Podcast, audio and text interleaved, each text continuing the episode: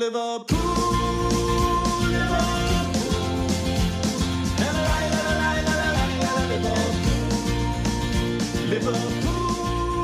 hej och hallå! Välkommen tillbaka! Hoppas sommaren har varit fantastiskt trevlig och eh, skön, om än kanske lite regnig för de flesta av oss.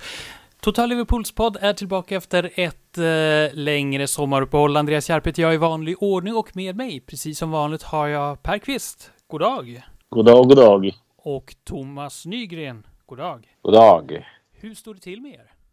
Eh, jo, men det är bara fint. Jag eh, är precis på väg in i en föräldraledighet. Jag har väldigt, eh, väldigt behagliga dagar trots, eh, trots det här eh, regnvädret som inte riktigt vill, vill ge upp. Men annars så, annars är det bara fint. Går in i andra andningen kan man säga då, från ena ledigheten till den andra. Precis. och hur står det till med dig Per? Jo, men det är bara bra. Man försöker hänga med här i, när transferfönstret är öppet, men det går väl helt okej. Ja, det har ju varit en ganska speciell sommar får man väl ändå säga med eh, Liverpool mått mätt och även med sommarmått mätt. Det här var väl året då Saudiarabien tog steget in i världsfotbollen. En stor del värvningar har skett och det har även fått eh, konsekvenser för Liverpool och en hel del av när vi sammanfattar sommaren som har varit kommer väl att gå åt till att eh, prata om just Saudiarabiens eh, inflytande på det brittiska transferfönstret. Vi ska naturligtvis också kika på de inledande matcherna. Vad kan man ta med sig av det vi har sett? Liverpool har hunnit, eh, när vi spelar in det här avsnittet, spela två matcher. Man har spelat 1-1 Eh, i bortamatchen mot Chelsea och även eh, hunnit med att vinna mot Bournemouth med 3-1. Två matcher spelade av eh, totalt 38, så det kanske inte är så här mycket man kan göra, men några inledande i alla fall kommentarer kan vi ju utröna av det här. Vi ska också blicka tillbaka, se var en eh, tidigare Liverpool-profil, men framförallt en tidigare Liverpool-talang har tagit vägen. Och sen så ska vi också blicka framåt, få se vad, vad, vad kan vi förvänta oss? Vad vill vi se av det återstående delen av transferfönstret och vad tror vi om de kommande matcherna? Det är lite av eh, vad det här avsnittet kommer handla om och vi börjar väl då direkt med eh, sommarens transferfönster, året då Saudiarabien eh, tog steget in i världsfotbollen, i alla fall vad det gäller eh, locka till sig spelare. Eh, per, om vi inleder, Liverpool har ju fått sin beskärda del av eh, ja, saudiarabiska spelare då. Eh, Firmino blev ju klar för en saudisk klubb, eh, bland annat, men framförallt Jordan Henderson och Fabinho tappade ju klubben eh, lite hastigt och lustigt. Hur skulle du vilja sammanfatta den här eh, sommaren? Ja, det har ju varit en sommar som ingen annan och det är ju på grund av Saudiarabien som du säger. Så transfermarknaden har ju rent allmänt varit kaotisk. Framförallt på grund av Saudi. Sen har vi också Chelsea som fortsätter att göra galna saker som påverkar egentligen alla andra klubbar också. Men sen är det ju klart att för Liverpool specifikt så har ju det här eh, varit en sommar där man har genomfört en väldigt stor generationsväxling. Det visste vi ju redan på förhand att det skulle ske, speciellt på mittfältet där flera spelare redan... Ja, vi visste ju att Oxlade, Keita, att de inte skulle bli kvar. Vi visste ju att man inte skulle köpa loss Artur naturligtvis och de tre tillsammans spelade ju knappt någonting förra säsongen på grund av skador. Firmino visste vi ju förstås att han skulle lämna i ett väldigt tidigt skede och där kan man ju se det som att Gakpo köptes in som en ersättare i ett ännu tidigare skede. Så där var ju Liverpool väldigt proaktiva. Man var ju också proaktiva på mittfältet när man gjorde klart med McAllister väldigt tidigt. Och Soboslaj relativt tidigt. Så där fick man ju två väldigt bra mittfältsförstärkningar som är unga, ändå relativt erfarna. Och de har ju, som de har visat, kan ju gå in och förstärka laget direkt. Men sen kom ju den här, det här Saudi-svepet, eller vad man ska säga, över Merseyside. Och Henderson ville lämna och Fabinho ville lämna för att de fick ju otroliga erbjudanden, även om man i Hendersons fall enligt hans egna utsago lämna för speltid och inte pengar. Kanske hade han kunnat fått speltid någon annanstans men ja, man kan ju misstänka att det är pengarna. Så på något sätt så förändrades ju Liverpools fönster väldigt mycket då. Man hade ju, då blev det ju mer att det man hade gjort blev någon slags fas 1 av den här generationsväxlingen på mittfältet. Och istället för att göra, genomföra fas 2 nästa sommar genom att skifta ut spelare som Henderson och Fabinho så måste man ju göra det nu. För att nu är ju faktum att de har lämnat och att de har lämnat för ganska stora pengar. För man ska väl säga det att dels så fick ju Liverpool ganska bra övergångssummor för dem, framförallt för Fabinho. Sen har ju Saudierna ett lite annat sätt att arbeta med övergångssummorna. Till skillnad från europeiska klubbar köper de ju inte så mycket med avbetalningar. De betalar gärna väldigt mycket, hela eller nästan hela övergångssumman direkt. Och det gör ju att Liverpool har fått in väldigt mycket pengar nu, här och nu. För de här spelarna samtidigt som Fabinho och Henderson också hade väldigt höga löner som också är, blir en slags eh, besparing att slippa såklart. Inom ja, samtidigt så har det ju lämnat väldigt stora hål i truppen och den här äh, fas två av eh, renoveringen på mittfältet där man ju fortfarande är inne i. Man, man äh, gick ju bet på flera spelare. Jag vet inte om vi ska återkomma till det och älta lite mer. Men till slut fick man ju ändå. Men, och han kan väl möjligtvis både realistiskt och ja, bra grej att säga att ändå kan väl kanske ersätta Hendo.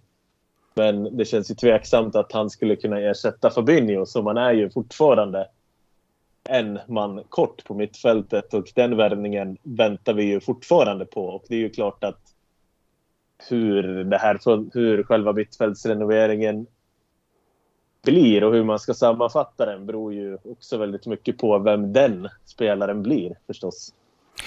Thomas, eh, du är ju en av alla Liverpool-supportrar som har följt det här då från utsidan. Eh, och hur, hur tycker du Liverpool har agerat? Är du nöjd med eh, hur klubben har agerat under den här uppkomna situationen, både med oväntade spelartapp, väntade spelartapp och hur man har agerat i att få in nya mittfältare?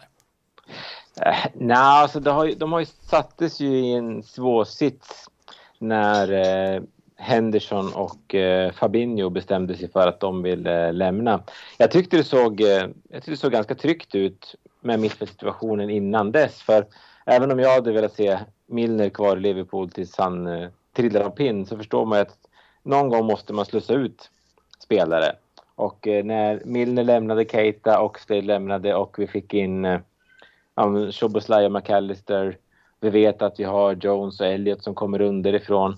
Tyckte att det såg eh, bra ut. När de första ryktena om Lavia kom så kände jag att ah, behöver vi verkligen värva in honom nu? Är det så att behöver vi en till mittfältare? Och sen så kom de här ryktena först om Henderson som kändes mer som ett skämt. Jag menar, han som har pratat så mycket om, eh, om hbtq och mänskliga rättigheter. Då skulle han gå till Saudiarabien där eh, mänskliga rättigheterna är ett skämt det kändes ju inte realistiskt. Och sen bara någon dag senare så framkom det att jo, det var i allra högsta grad realistiskt. Eh, och sen kom eh, Fabinho direkt på det. Så jag tror att klubben blev säkerligen väldigt överraskade av det här. Och eh, det är klart man kan tycka att det, ska vi sälja Fabinho om inte vi är säkra på att få in en ersättare i tid? För Klopp har ju pratat mycket om just det här att han vill ju ha truppen klar till försäsongen började. Och eh, nu står vi här med, ja, det är knappt två veckor kvar framför transferfönstret och truppen är ju inte klar än. Det kan ju pratas ju på vissa håll om att det är två spelare till som ska in. Och då har ligan börjat. Så eh, det, jag tror ingen kunde ju förutspå att det skulle komma saudiska miljarder och spridas över hela Europa. Och eh, hade inte det varit så att Gerard hade blivit tränare i eh, Saudiarabien så hade ju inte Henderson hamnat där heller. Um, Fabinho, det är en annan historia. Han, honom hade de säkert kunnat vara intresserade av ändå, men Henderson hänger ju ihop med Gerard. Uh, det är i alla fall jag rätt övertygad om. Så det, var, det är många faktorer som spelar in i att Liverpool har hamnat i den här sitsen och uh, det är klart, Klopp har ju varit tydlig med att han inte vill ha spelare i Liverpool som inte vill vara där. Så att man valde att sälja Fabinho, att man valde att sälja Henderson trots att de hade år kvar på kontraktet, det, ja, det, det hänger såklart ihop med, med det. Um, och eh, det, jag, kan också, jag kan också acceptera någonstans att man väljer att ta pengarna för de här spelarna som ändå är på, på nedgång. Jag tror säkert att Fabinho hade varit bättre i år än vad han var förra året, men att han har sina bästa år bakom sig, det, ja, det kan vi nog vara på det klara med. Och att då få så pass bra betalt för honom, det, ja, den dealen kanske inte man får fler gånger och någonstans behöver vi också vara i den sitsen att vi inte bara tappar spelare gratis som vi gjort i övrigt den här sommaren. Så eh, affärerna i sig är ju rimliga. Det jag hade önskat hade väl kanske varit att man redan in, att man eh, hade varit längre fram i rekryteringen av ersättare än vad man eh, har varit. För där var det ju, ja, vi kommer säkert in på både Lavia, Caicedo längre fram. Men det var ju bara soppor bägge delarna. Och eh, jag tror faktiskt ärligt talat att jag var hyfsat nöjd om man hade, man hade presenterat ändå bara någon dag efter man sålde Fabinho för att visa en garanti att vi har en defensiv mittfältare på plats i alla fall. För eh, när vi kommer in på de matcherna som har varit hittills den här säsongen så har det varit uppenbart var någonstans det har varit ett hål. Och det hålet har ju kommit av att vi har sålt all defensiv täckning som vi haft på, på mittfältet. Så jag kan, jag kan köpa att, att man gör försäljningarna och jag förstår att man slussar ut de här spelarna vars kontrakt gick ut. För det var egentligen ingen av dem som man ja, som det var rimligt att förlänga med. Det är väl jobbet med att få in ersättare som har gått för långsamt. Och eh, jag kan också känna att det har varit lite mer liksom det har varit tydligare utåt vilka spelare som Liverpool har varit ute efter. Det har också gjort att priserna har pressats upp och att andra lag har kommit in. Och, om man jämför med när vi värvade Fabinho. Där han, jag vill jag stod, typ, jag stod i kassan på Coop när ryktena om att Fabinho skulle komma till Liverpool började sippra ut. Jag, jag tror att han var presenterad innan jag hade betalat. Liksom det gick så otroligt fort. Ryktena om Lavia höll på i veckor med bud fram och tillbaka som blev nekade. Så eh, man har inte riktigt känt igen Liverpool på transfermarknaden den här sommaren. Eh, men det är ju såklart, det är för tidigt för att ge dem någon dom än. Det kan ju mycket väl vara så att det ramlar in en defensiv mittfältare den här veckan och kanske en till försvarsspelare och så står vi där med en, en fin trupp när fönstret stänger. Men vi vet ju också att i Klopps Liverpool så brukar det ta ett tag innan, eh, innan nyförvärven verkligen börjar hitta sin plats. Så det vilar ett eh, det vilar ett tungt ansvar på de som har varit med ett tag nu att eh, hålla den här skutan flytande tills alla de nyförvärven har kommit in i spelet på allvar. Och det var ju redan under eh, förra säsongen, avslut på förra säsongen, så pratades det ju om att eh, Liverpool skulle förnya sitt mittfält och redan då dök de första spekulationerna om då eh, Brightons mittfältare, dåvarande Brightons mittfältare Alexis McAllister upp och ja, han kom till klubben. Liverpool aktiverade någon form av klausul. Även Soboslaj kom till klubben ganska snabbt på samma sätt eh, via en utköpsklausul. Och sen så ryktades det ju en hel del spelare till Liverpool, mittfältare allihopa. Vi pratar om Kone, vi pratar Tyram, Gravenbergs, Bellingham, ska vi ju inte glömma, Lavia och Caicedo. Ingen av dem hade ju någon form av eh, rimlig utköpsklausul och därför så har Liverpool inte fått någon av de spelarna. I Lavia och Caicedo Bellinghams fall så har de ju gått till andra klubbar. Real Madrid och Chelsea tog ju både Lavia och Caicedo. Har nu Liverpools eh, transfer, eh, restriktiva eh, transferpolicy, börjar den straffa sig nu när man vill ha mer etablerade spelare och agera lite långsammare vad man har gjort tidigare Per? Mm, alltså det som jag kan tycka är väl att marknaden har ju spårat ut helt när det gäller innermittfältare det började väl egentligen i januari när Chelsea betalade en otrolig summa. Det var väl 120 miljoner för Enzo Fernandes. Arsenal betalar 105 miljoner för en Declan Rice med ett år kvar på kontraktet. Eh, och då blir det ju helt enkelt så att prislapparna blir ju otroligt höga även på sämre innermittfältare om man säger så. Caicedo blev ju otroligt dyr till slut men där vet vi att Liverpool var beredda att betala. Där var det ju andra orsaker och jag, jag tror väl att man har jobbat utifrån någon slags prioriteringslista och det är ju klart att man kanske inte har varit skickliga på att eh, bocka av spelare tillräckligt tidigt. Samtidigt kan det ju hända oväntade grejer också när det gäller spelare som man vill värva. Kone gick ju sönder under U21-EM och eh, ja, det är väl först nu egentligen som han är tillbaka i träning.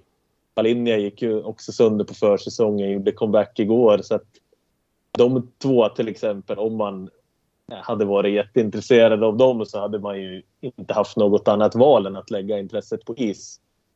Eh, och det skulle ju kunna vara så att Kone till exempel dyker upp nu när han är skadefri och att det var planen hela tiden. Vi, vi vet ju egentligen inte det exakt vad som har hänt där bakom kulisserna men det är ju klart att det ser inte bra ut att inte ha klart med en så viktig spelare som den här saknade, om vi säger så, mittfältaren trots allt är i det här sena skedet.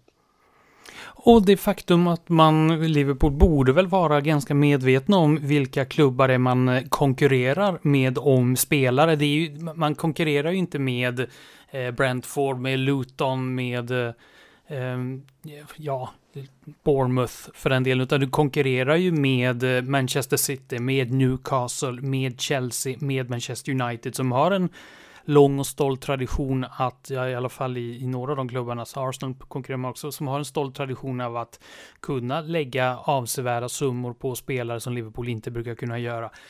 Finns det då inte eh, ett, eh, en, en poäng då för Liverpool att snabba på eh, sina förehavanden på transfermarknaden istället för då som jag tänker framförallt i Lavia-fallet att dra ut på. Det var ju flera veckor som man höll på och förhandlade med, eh, med Southampton och la bud efter bud trots att Southampton var väl ganska tidigt öppna med hur mycket man var villig att ge eller villig att eh, ha för Lavia för att släppa honom. Liverpool borde ju veta att det finns andra klubbar som också är intresserade som handlar från samma hylla. Ja, jag tänker det känns lite grann som att Liverpools eh, värvnings Eh, ansvariga har liksom försökt att eh, handla efter eh, sansade, liksom, resonliga priser på en marknad där sådana priser inte gäller längre.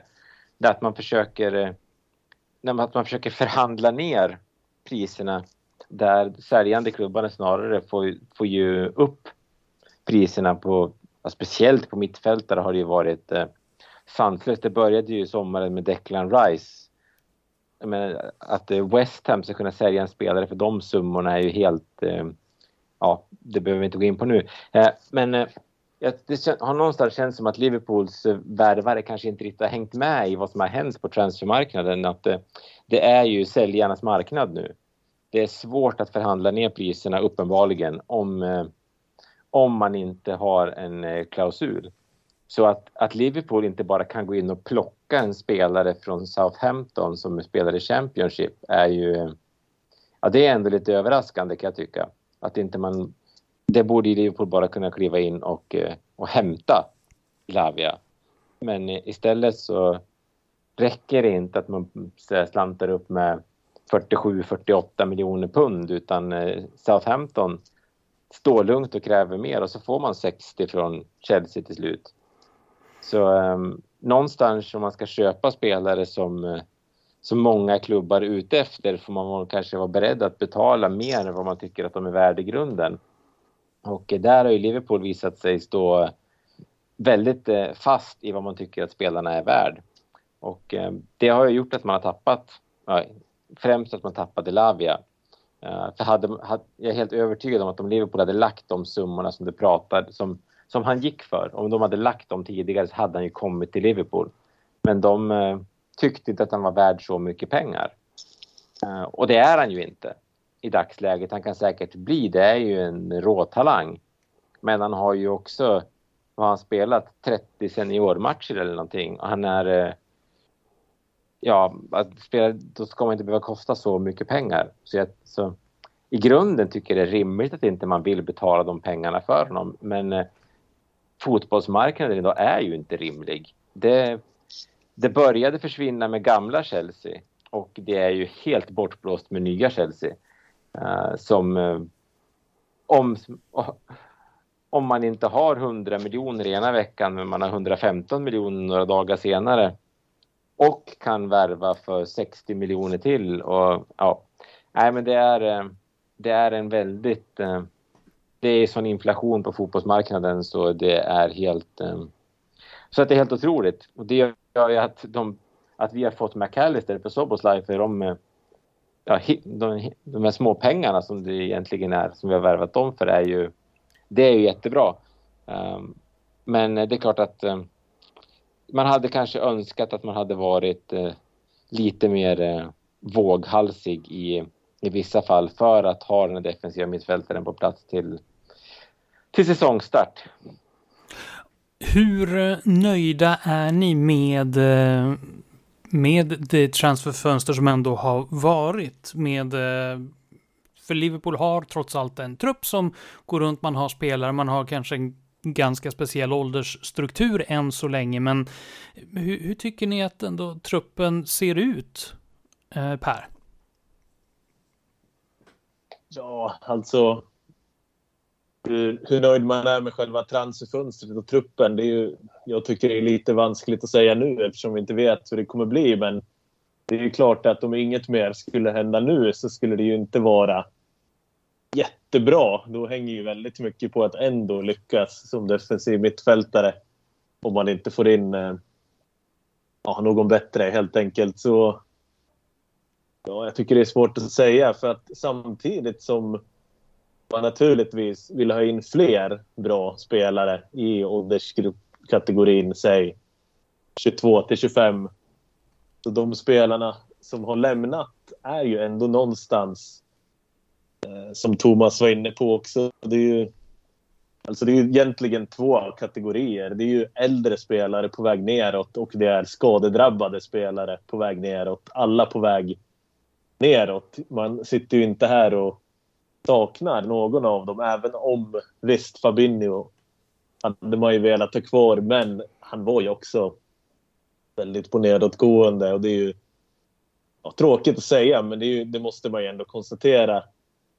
Och samtidigt så spelarna man har tagit in är ju väldigt svårt att vara, i alla fall jag tycker det, att det är väldigt svårt att vara negativt inställd mot dem. Om man, eh, ja jag tänker att Gakpo på RND. Han kommer ju i januari, men jag tänker nästan på honom som en del av det här sommarfönstret.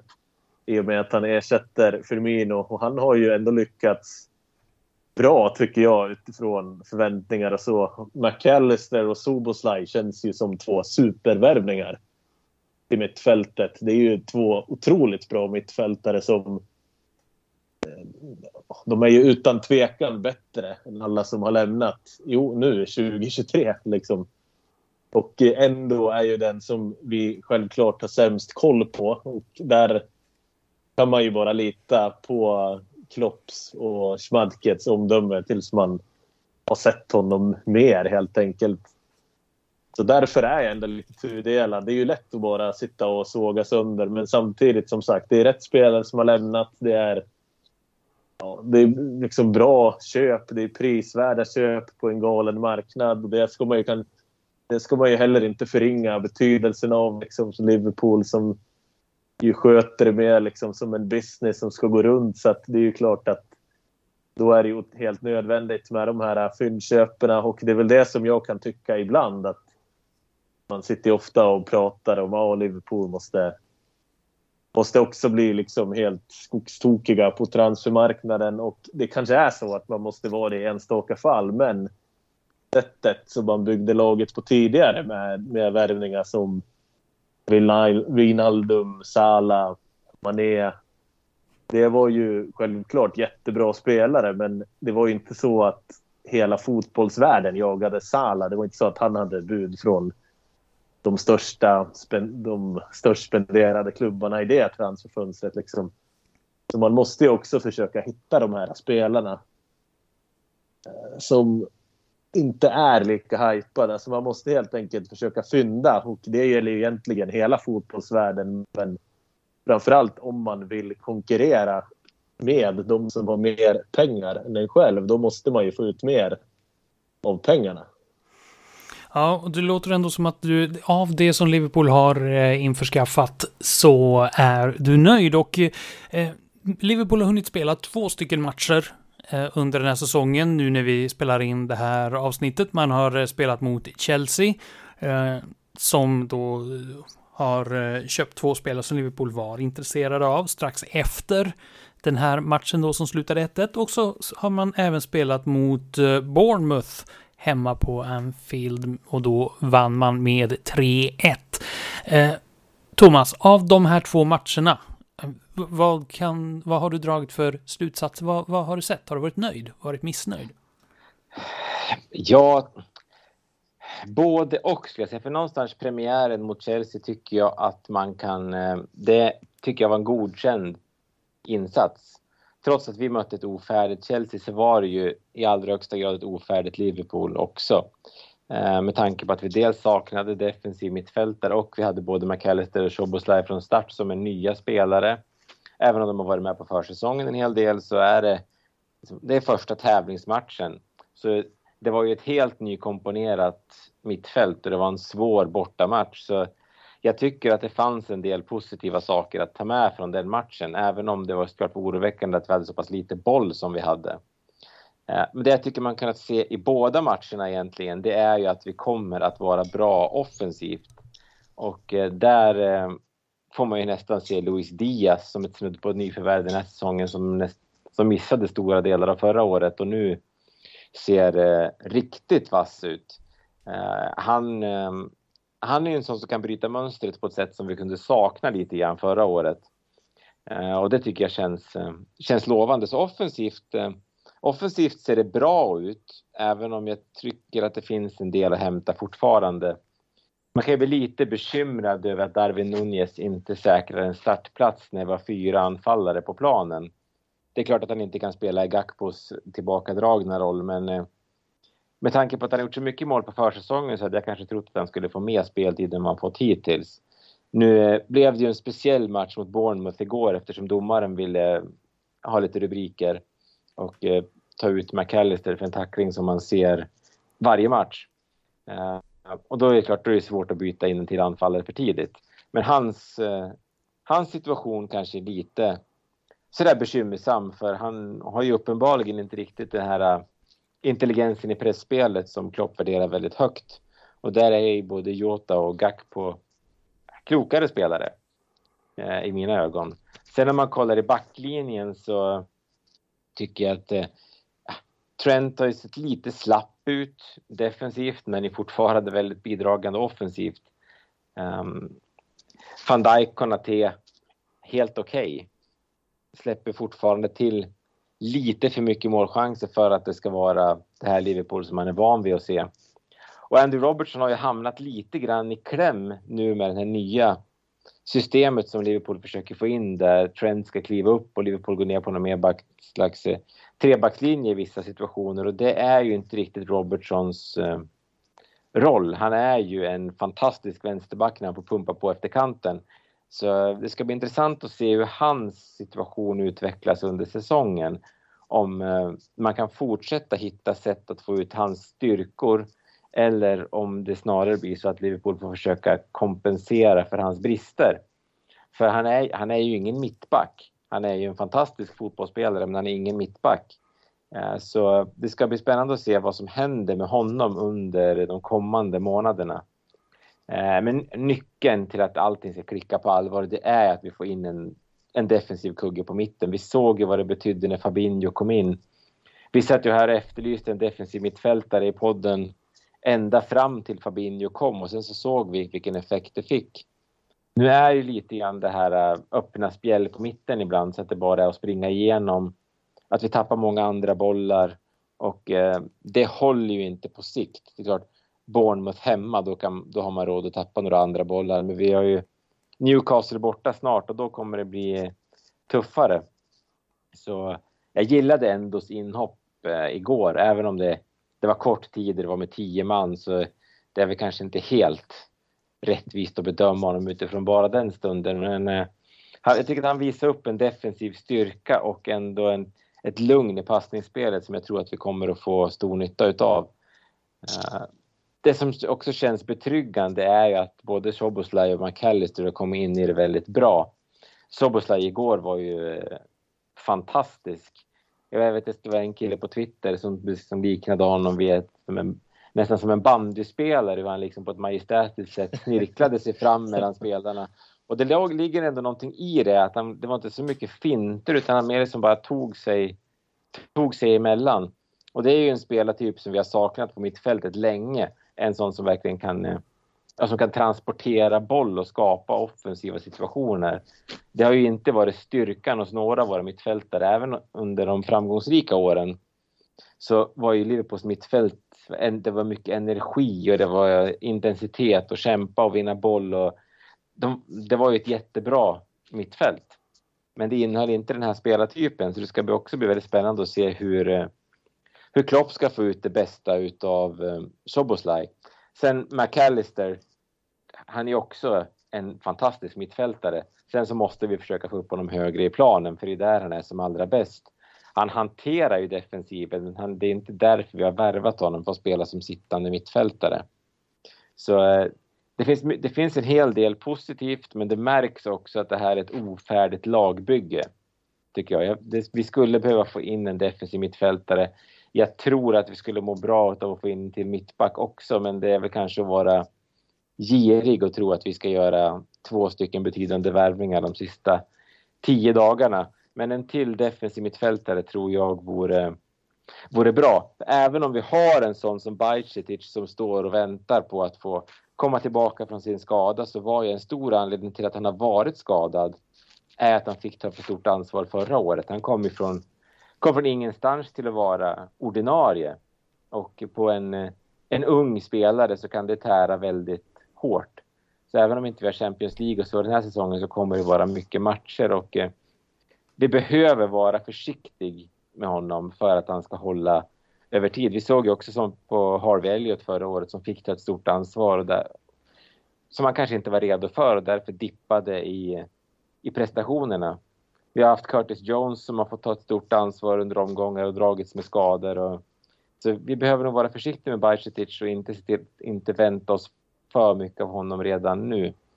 Eh, så jag hoppas att vi kanske kan eh, fylla på med åtminstone ett namn på defensiva mittfältet så tror jag att det här lagbygget kan bli eh, bra. Per, av de två matcher och även då försäsongen kan jag väl ta eh, som måttstock. Finns det någon spelare eller några spelare som du vill lyfta fram både positivt och, och kanske negativt?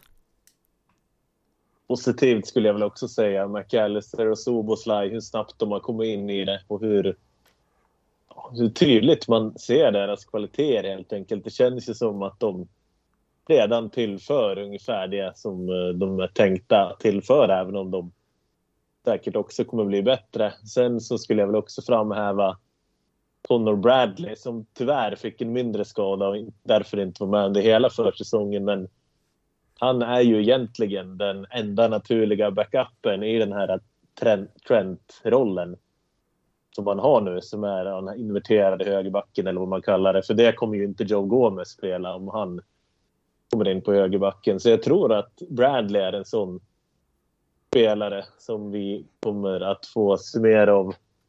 När det gäller negativt, no, det skulle väl inte vara någon särskild. Visst, det var väl en del mindre bra ingripanden under försäsongen, men jag tycker väl ändå att eh, det kan man få komma undan med. Och eh, också det här med Endos debut mot Bournemouth. Det, det var ju nästan, det var ju helt otroligt. Liksom han eh, hade en träning med laget och Klopp sa ju på presskonferensen efter att ja, jag hade en snabb genomgång med honom i morse hur han skulle spela i 11 mot 11 och eh, han kommer in och spelar och det är väl kanske en tredjedel av matchen som han ändå spelar, eller mer. Kommer in då liksom och spelar med tio man och det är ju klart att det är ju klart att de förutsättningarna är ju...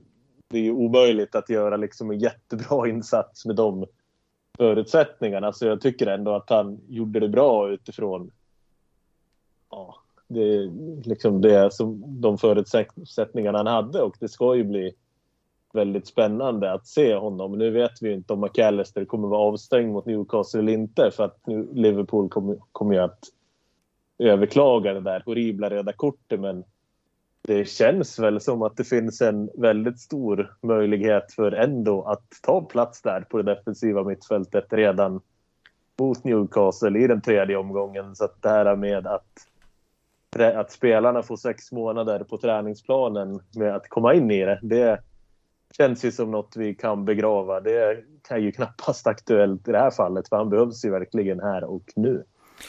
Ja, och eh, vi lämnar då sommaren och eh, säsongsinledningen eh, bakom oss för nu och vi kommer naturligtvis att prata längre vad vi ser framåt. Men innan dess så tänkte, vi, tänkte jag så här att eh, Liverpool är ju stort behov av en mittfältare. Du har ju gått igenom många lovande mittfältare i klubbens historia. En av dem Eh, var väldigt lovande. Eh, det nya Gerard var väl namnet. Hade kanske funkat jättebra i dagens Liverpool. Eh, men han försvann oförklarligt. Och nu ska vi ta reda på var har John Welsh tagit vägen?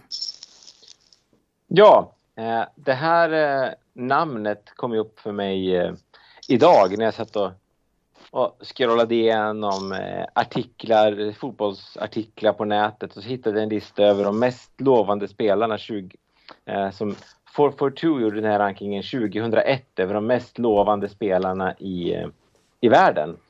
Och eh, det var en hel del med Liverpool-koppling faktiskt. Eh, vi hade Cissé på första plats som var den mest lovande spelaren just då. Var Torres var fyra. Jermaine Pennant femma. Sinama Pongol sjua. Letallek nia.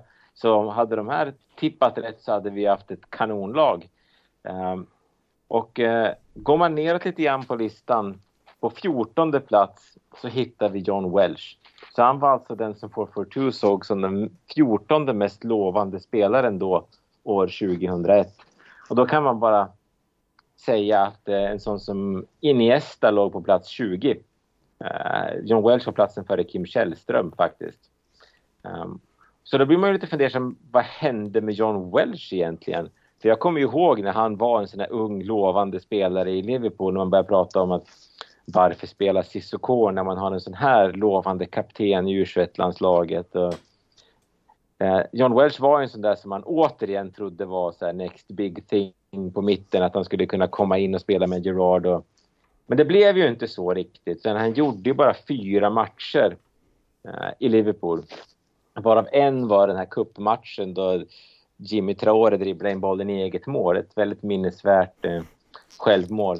Eh, han var ju lovande men eh, hade väl svårt att liksom slå igenom i Liverpool på riktigt. Han var som sagt kapten i, i, ungdoms, i reserverna, han spelade U21-landskamper. Men eh, det ville sig liksom inte riktigt och det, vi vet ju att både Collier och Benitez som var i Liverpool under hans tid, för han gjorde sin debut 2001, det var ju sådana som var väldigt noga med att spelarna ja, skötte taktiken, att man var slipad, att man gjorde det man skulle. Och Welsh höll väl inte riktigt måttet, helt enkelt. Utan eh, det började med att han lånades ut till Hall innan han eh, blev eh, såld till Hall, eller bytte faktiskt mot en annan spelare som också försvann ut i glömska, nämligen Paul Anderson. Eh, det här var 2005 i augusti. Eh, så han ju, fick i alla fall vara med om Champions League-vinsten, även om inte han såklart spelade någonting så var han med i truppen. Eh, han hamnade i alla fall i Hull där han tyvärr då för hans del ganska tidigt bröt benet efter att ha blivit tacklad av Neil Mellor faktiskt, av alla människor. Oj. sen ja, hade problem i Hull, utlånad till Chester, Carlisle, Burry innan han eh, lyckades skaffa sig ett kontrakt med Tranmere Rovers som faktiskt då var tränad av John Barnes faktiskt. Så han var kvar i Tranmere några år.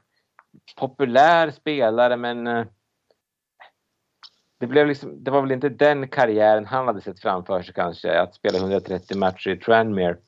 Han lämnade Tranmere i alla fall och sen så gick han till Preston och det är väl kanske där som han har satt sin, de största spåren, för där var han mellan 2012 och 2018. Han blev framröstad till årets spelare där något år. Gjorde 143 matcher. Ehm, ett av de få lagen han dessutom gjorde mål för. Han var ju ingen eh, stor målskytt, John Welsh.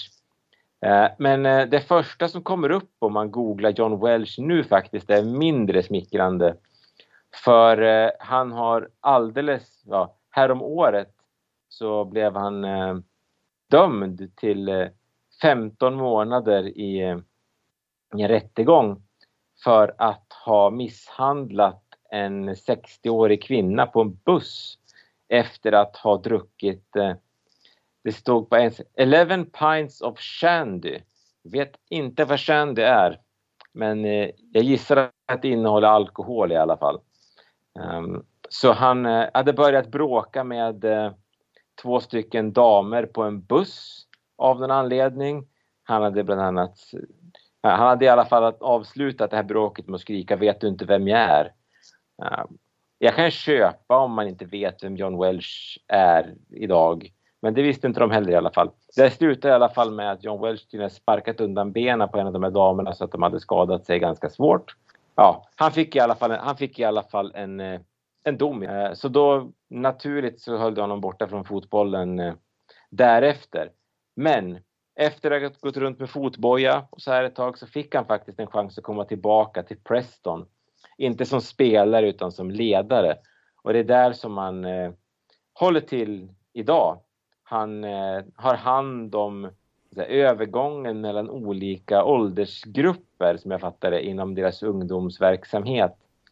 Så han ser över från 12-åringar till 16-åringar så att deras övergångar mellan de olika årskullarna fungerar på ett bra sätt och så vidare. Eh, men eh, om man tittar på den här listan över spelare som eh, 442 listade som de mest lovande så kan man väl lugnt säga att ja, de som är närmast John Welsh på listan, Kim Källström, Philip Mexes och Johnny Heitinga, ja, de fick ju bättre karriär än John Welsh. Uh, eh, och uh, han blev ju inte den här mittfältsdynamon som man hoppades på i början på 2000-talet utan istället så blev han alltså en uh, ja, blev han alltså en person som, som sparkar ner damer på bussen om inte de känner igen honom. Så det känns ju som att hans karriär har tagit en mindre smickrande utveckling. Kan vi säga att hans två sista klubbar var Everton, Colliers och Stafford Rangers och det är ju långt ner i seriesystemen. Eh, men idag hittar vi i alla fall eh, John Welsh i Preston som någon slags utvecklings eh, utvecklingsledare för ungdomslagen. Och han är ju ytterligare en av de här spelarna i ungdomsleden som han har hoppats mycket på men som det har blivit väldigt lite av. Och även om han nu såklart är ett extremfall på sätt och vis här så kan man ju också säga att eh, att en spelare i tonåren är väldigt, väldigt eh, lovande och högt eh, rankad på listor betyder ju absolut inte att man kommer att lyckas på seniornivå. Och det kan ju vara någonting som är bra att ha med sig nu på en fotbollsmarknad där man köper potential för väldigt, väldigt mycket pengar. Ja, John Welch har vi alltså där och en av alla spelare som har blivit lablad då som den nya Steven Gerrard Shandy vill jag bara då säga vad det är för någonting. Det är öl eller cider som blandas med läsk med någon form av citronsmak. Så då vet vad det är att uh, det, det tryckte han i sig många gånger och uh, någon lärdom man ska dra, inte 11, vad var det, pints av shandy. Ja, det lät inte gott. Men vad de säger, i, i, i helvetet så är det britterna som har hand om det kulinariska. Eh, per, vad minns du om, eh, av den här John Welsh? faktiskt inte sett honom spela sådär jättemycket, för det här var innan. Han spelade ju i reservlaget. Jag tror inte att man kunde streama då, deras matcher då på den officiella hemsidan. Det var i alla fall innan jag började göra det. De som spelade några år efter har man ju bättre koll på, för då har man kollat på dem där i ungdomslaget och reservlaget. Så jag minns väl egentligen framför allt att det var ju väldigt mycket snack om honom. Eh, det var ju mycket hype eh, bland annat säkert på grund av sådana här listor. Och eh, när Rafa tog över så var det ju också mycket snack om att han minsann borde få chansen och att oj herregud vad håller Rafa på med? Om Holier hade varit här så hade Holier gett honom chansen och han hade gjort det jättebra. För det här var ju också en tid där Steven Gerrard relativt nyligen hade slagit igenom så det är ju klart att det påverkade säkert lite hur man såg på honom eftersom man tänkte eh, man, man ser ju lättare möjligheterna om man säger så med ungdomsspelare där man har någon som nyss har slagit igenom. Men sen som jag kommer ihåg det så blev han ju lånad och sådär och uträttade inget särskilt och i slutändan så var det ju det var ju en notis mer när han lämnade klubben permanent och det är ju tråkigt förstås att det blev som det blev. Men eh, så där kan det ju vara. Det är ju också som ni är inne på att tonåringar är ju svårbedömda. Ofta är det ju det här klassiska med folk som är väldigt tidigt fysiskt utvecklade, kanske är färdiga rent fysiskt när de är 18-19 år. Det är inte säkert att de blir de absolut bästa fotbollsspelarna några år senare. Och eh, ja, till exempel Iniesta var ju varken snabb eller stark, men han blev ju den bästa av dem alla på den där listan till slut. Mm, ja, det var ju en spännande tid där eh, som du säger Per, just med att eh, Liverpool hade fått fram Gerard, man hade fått fram Michael Owen och även Jamie Carragher tillhör ju det där spannet att man verkligen pumpade ut flera spelare från de egna leden eh, som tog plats i startelvan. Ja, John Welch i alla fall, nu vet vi var han är, Preston. Eh, och eh, sen så ska vi göra då så att vi, eh, vi kikar framåt återigen. Nästa gång som vi kommer att höra så kommer det vara september. När sommaren har verkligen passerat fort. Eh, september och Liverpool kommer då precis ha eh, mött Tottenham.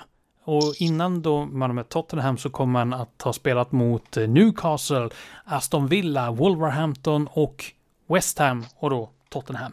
Eh, och om vi då kikar framåt, nu är det otroligt vanskligt då att eh, tippa. Vi vet ju inte hur truppen kommer se ut. Det är ju flera dagar kvar av transferfönstret, 11 dagar. Men om man då tittar på Aston Villa, Wolverhampton, Newcastle, West Ham och Tottenham. Vad säger ni om det rent spontant? Känns ganska som ett ganska tufft spelschema. Tycker det känns som ett väldigt obehagligt spelschema. Um, Newcastle, nu förlorade de mot City igår, men de har ju, de har ju förstärkt. och var bra redan förra året. Uh, Aston Villa körde ju över ett visserligen ganska svagt Everton idag, men de uh, har ju också förstärkt under sommaren och uh, Tottenham såg ju bra ut mot United igår, så det är, några, det är flera lag här som vi verkligen kommer få bekänna färg mot. Wolverhampton pressade ju United i premiären, även om det var ett svagt United. Så äh, det, det, kommer att bli, det kommer att bli tufft. Jag tror att vi, vi kommer absolut behöva höja oss från insatserna som vi har visat de, sist, de första två omgångarna om vi ska få med oss många poäng från det här.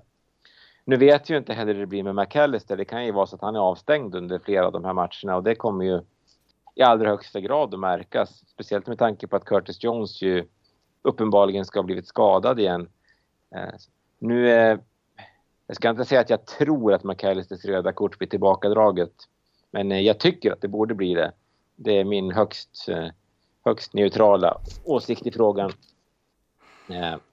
Men eh, nej, det, det, kommer att bli, det kommer bli många tuffa matcher och jag tror att vi kommer veta lite mer om vart Liverpool står den här säsongen efter den här perioden.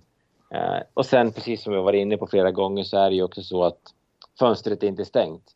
Vi, det är mycket som talar för att vi inte kommer ha den här truppen när fönstret stänger utan det, det kommer säkert att komma in ytterligare något namn. Eh, så, mycket fler, så många fler som lämnar kanske inte kommer att vara. Det är väl Nat Phillips då kanske men han verkar ju vara svårflyttad. Så ja, nej, det, det känns väldigt, väldigt eh, ovisst eh, de eh, kommande veckorna tycker jag. Och eh, Per, hur, hur, många poäng av de här, eh, nu ska vi säga det är fem matcher, av de här eh, 15 poängen som står på spel tror du Liverpool kommer att ta? Säger 10, men det är väldigt optimistiskt för att det är ju stenhårt spelschema. Tycker Aston Villa till exempel ser ju jättebra ut med Diaby och Torres. Så att Ja, vi får se. Men 10 är väl ett eh, optimistiskt tips. Mm. Och du nämnde Thomas att, eh, Liverpool, att truppen inte kommer se ut som den gör just nu, att det kommer att förmodligen tillkomma spelare. Hur många spelare skulle du vilja att eh, det kommer in?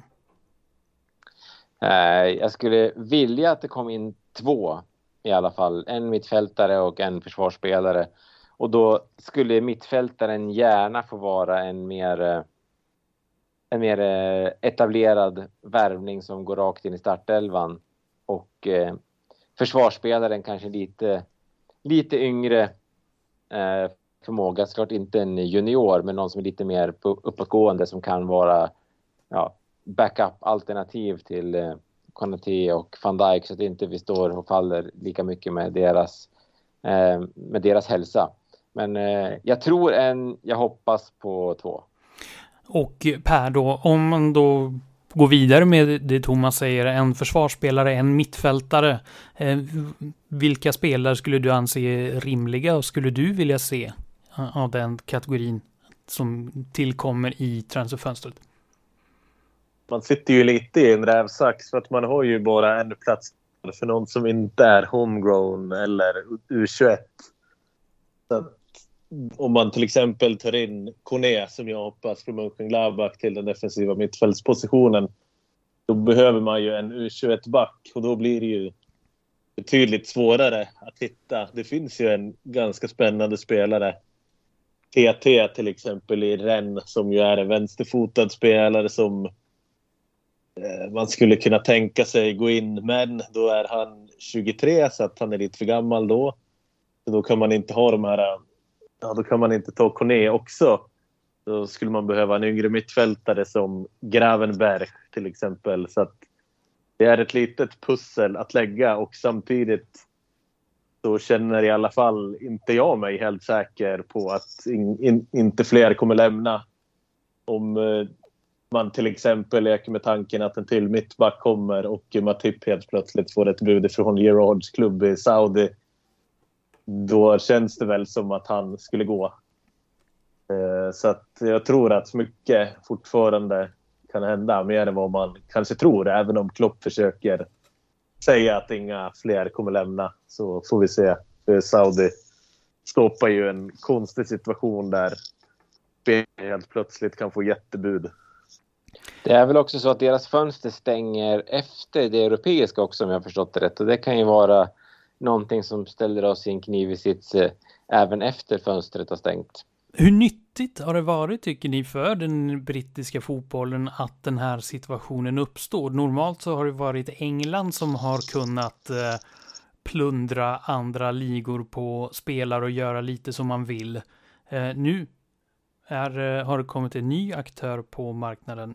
För fotbollen i stort så är det ju svårt att säga. Det är ju klart att man man vill ju inte att spelare ska spela i diktaturer och man vill ju egentligen inte att de här statliga resurserna ska gå åt, åt att liksom betala Neymar miljarder och, och så vidare. Det, det, finns ju bättre saker att lägga pengar på. Sen såklart för fotbollen rent generellt så är det väl liksom i teorin är det väl inte dåligt, en dålig tanke att det finns en bra liga i i den delen av världen. För att det är ju en fotbollstokig del av världen. Så att det är egentligen, för fotbollen i stort så är det såklart bra att det finns en bra liga i Mellanöstern, att det finns en bra i USA, att det finns i Sydamerika, att det finns i andra, andra världsdelar och så vidare. Och sen för klubbarna i Europa så skulle jag väl säga att det är jättebra. För att faktum är ju att i januari så var Premier League den enda ligan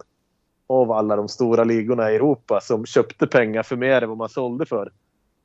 Premier League har ju på sätt och vis finansierat de andra ligorna kan man säga. Alltså Serie A, La Liga, eh, franska ligan och så vidare. Så att nu kommer det in en till liga som också pumpar in pengar och jag skulle väl säga att för storklubbarna har det varit väldigt praktiskt för man har blivit av med ett stort antal spelare som man igen, som man annars hade varit tvingad att behålla. Spelare som har suttit på väldigt höga löner som skulle ha varit omöjliga att sälja. Men nu har de helt plötsligt hittat ett nytt hem kan man säga. För det är ju faktiskt så att även om till exempel Neymar är en fantastisk fotbollsspelare så hade det varit jättesvårt för PSG att sälja honom till någon annan klubb för att han har en så enormt hög lön. Men nu får de inte bara slippa lönen, de får också en jättestor övergångssumma och det är ju precis en sån grej hade ju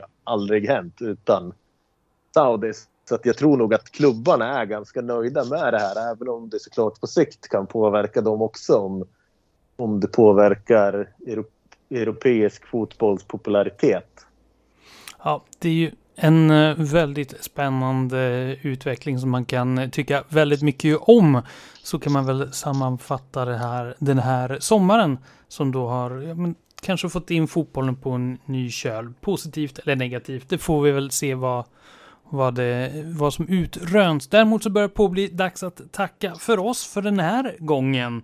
Eh, 10 poäng till hoppas vi väl då att eh, det ska bli när vi hörs igen i eh, början av oktober. I alla fall om Per får bestämma. Och Thomas, vad, vad ser du fram emot mest nu här under den kommande månaden?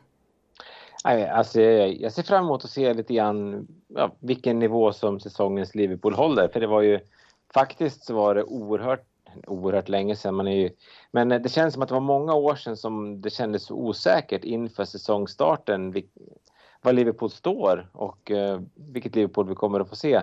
Det kan ju bli, det kan ju bli jättebra. Men det kan ju också bli de här eh, öppna spelen som vi sett lite grann de första matcherna. Så, eh, jag tycker att det ska bli jättespännande att se, eh, se Liverpool de kommande veckorna för att få se vilket lag som det är vi kommer att få, få stötta den här säsongen. Ja, någon, uh, någonting som har nämnts tycker jag väldigt mycket i samband med Liverpool uh, under, den här, uh, under de senaste veckorna, ordet kaos. Och vi får väl se då hur mycket mm. av, av det som kommer, eh, hur, hur, det, hur mycket kaos det kommer att bli i Liverpool de närmaste veckorna. per, vad, vad ser du fram emot mest under den kommande månaden? Det är väl ändå att ja, dels ser man fram emot att förhoppningsvis se laget sitta ihop på ett annat sätt. Och så förstås de nya spelarna. Jag ser fram emot nästan mest faktiskt ändå. Det skulle ju vara så sjukt kul om han kom in och gjorde succé med tanke på vilken enorm underdog han ändå är, på, eller var på den här transfermarknaden. Ja, jag, måste, jag vill bara flika att jag, ju mer jag läser om honom och ju mer man ser om den värvningen, desto mer tycker jag att den är fantastisk. Det är, alltså, någonstans om man ska bygga ett framgångsrikt och vinnande lag så vill man ju också ha såna här värvningar med. Att köpa dyrast är ju inte svårt om man har hur mycket pengar som helst. Däremot att lyckas med den här typen av värvningar är ju det är ju det som är nyckeln till framgång, åtminstone för en klubb som Liverpool och det har vi gjort eh, det har vi gjort tidigare och tittar man liksom på de egenskaper som ändå kommer med så äh, jag, jag, jag tror att vi kommer att se tillbaka på det som en väldigt fin värvning när den här säsongen är slut. Ja, det finns olika sätt att göra det. Manchester United väljer att eh, spendera mest pengar väl av alla på nya spelare och det kanske inte riktigt har syns på planen än så länge. Liverpool har nu valt en annan väg. 16 miljoner för för eh, den japanska landslagets eh, lagkapten. Eh, vi får se hur det går. Om en månad så har vi mer ja, mer, eh, mer att gå på i alla fall. Tack så mycket Per Kvist och Thomas Nygren för den här gången. Ja, tack, tack. Tack, tack. Och tack så mycket till dig som har valt att ladda ner podden. Vi hörs igen om en dryg månad i början av oktober. Tills dess, ha det så bra. Hej då! Liverpool, Liverpool.